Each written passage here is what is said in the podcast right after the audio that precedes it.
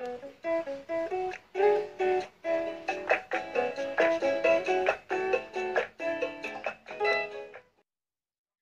semuanya, hari ini saya Salsabila Zaneta dan teman saya Michelle Wijaya akan membahas mengenai ADR.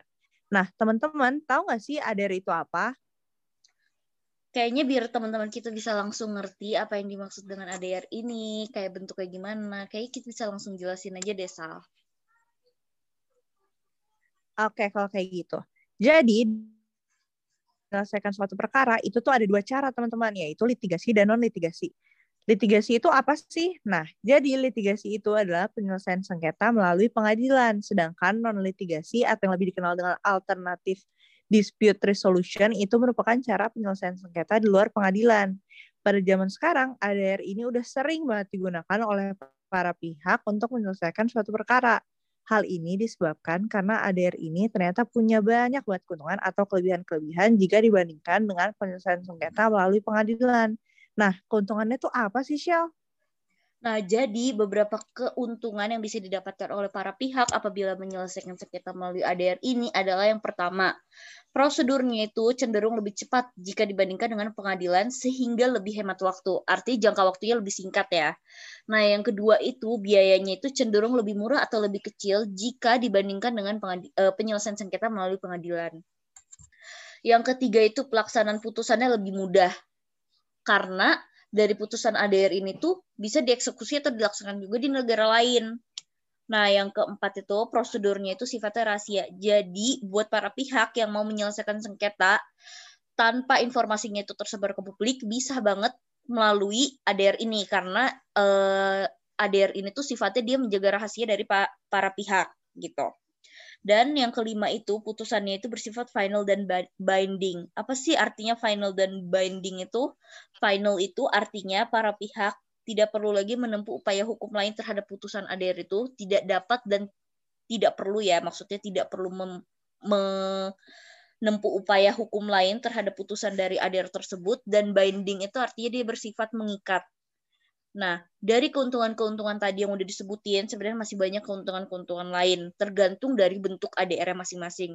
Nah, ADR itu bentuknya ada banyak macam, bisa kayak arbitrase, mediasi, konsultasi, negosiasi, dan lain-lain. Tapi berhubung karena belakangan ini yang kita sering dengar itu arbitrase dan mediasi, maka secara khusus hari ini kita akan membahas tentang arbitrase dan mediasi aja. Oh, gitu ya. Berarti arbitrase itu apa sih, Shell? Nah, jadi arbitrase itu berasal dari kata arbitrare yang artinya kekuasaan untuk menyelesaikan suatu perkara menurut kebijaksanaan.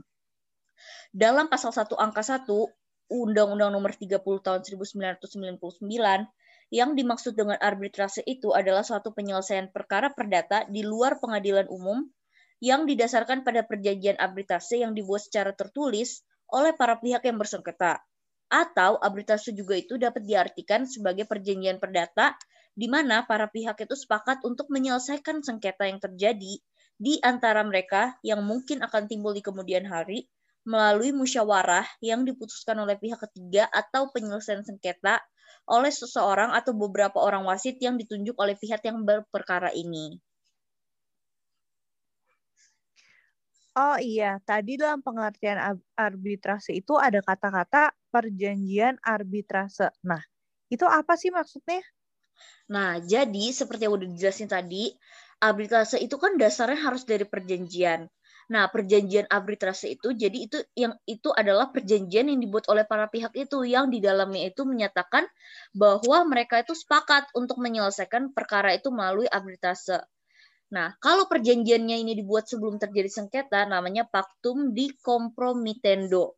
Sedangkan kalau misalkan perjanjian ini dibuat oleh para pihak setelah terjadi sengketa di antara mereka, namanya itu akta kompromis. Gitu. Oh gitu. Jadi di Indonesia tuh udah ada lembaga arbitrase ya?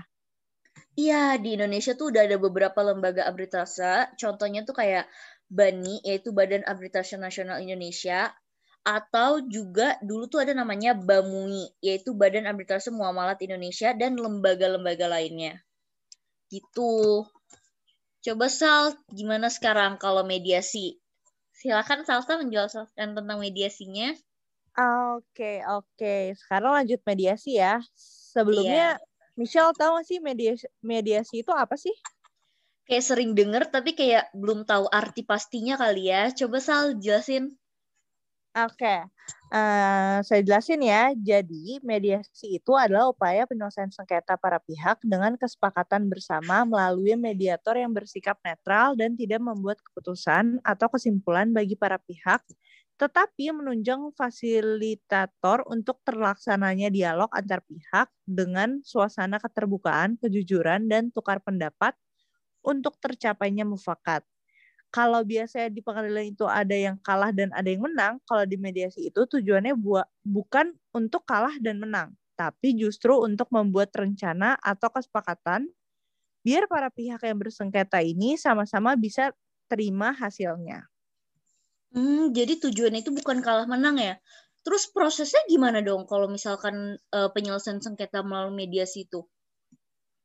Nah, sifat dari proses mediasi pada asasnya tertutup kecuali pada pihak mengendaki lain. Ketentuan mediasi diatur dalam Peraturan Mahkamah Agung RI Nomor 1 Tahun 2016 tentang prosedur mediasi di pengadilan yang selanjutnya disebut dengan Perma Nomor 1 garing 2016 yang merupakan pengganti peraturan Mahkamah Agung nomor 1 tahun 2008. Dalam penyelesaian sengketa, proses mediasi wajib dilakukan terlebih dahulu. Apabila tidak menempuh prosedur mediasi, penyelesaian sengketa tersebut melanggar ketentuan pasal 130 HIR dan atau pasal 154 RBG yang mengakibatkan putusan batal demi hukum.